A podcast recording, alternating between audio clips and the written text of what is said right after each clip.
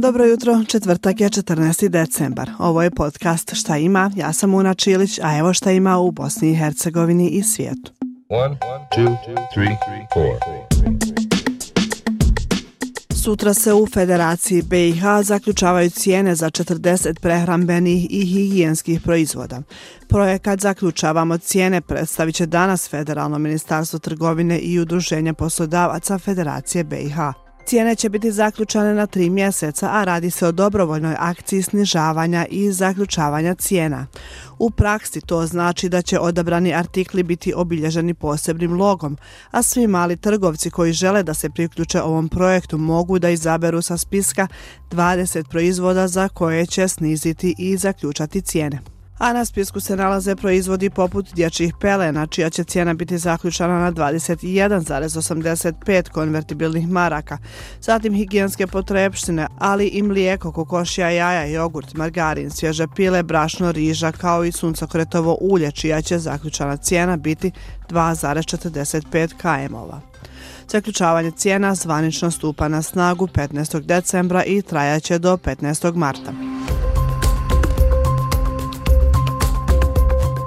Povodom Međunarodnog dana migranata u Zemaljskom muzeju Bosne i Hercegovine danas će biti otvorena izložba Wearing it Together, inkluzivni put mode, u organizaciji Međunarodne organizacije za migracije. Laura Lungaroti, šefica misije IOMA u BiH, kaže da je ovo više od same izložbe. Riječ je o kompaniji koja ima za cilj prenijeti ključnu poruku inkluzije, kreativnosti i inovacija koje dolaze s migrantima. Angažovali smo svjetski poznatog fotografa Franka Pađetija da fotografiše migrante na ulicama Sarajeva i Beograda u dizajnerskim kreacijama brenda No Nation Fashion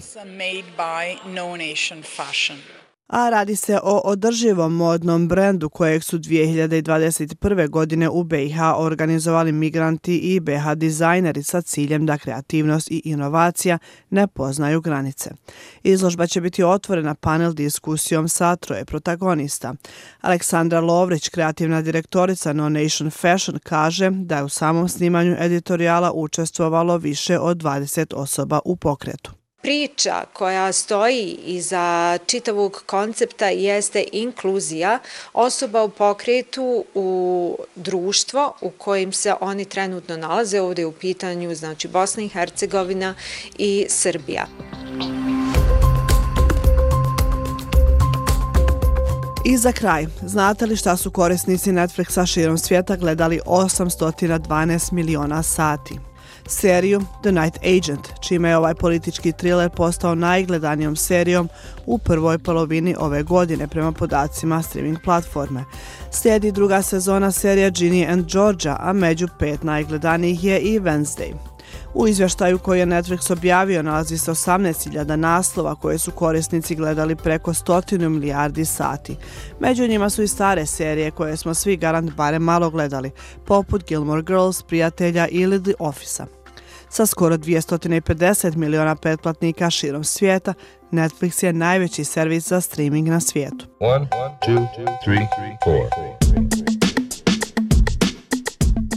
Ukratko od mene za danas. Sretan ostatak dana. Čujemo se neki drugi put. Ćao!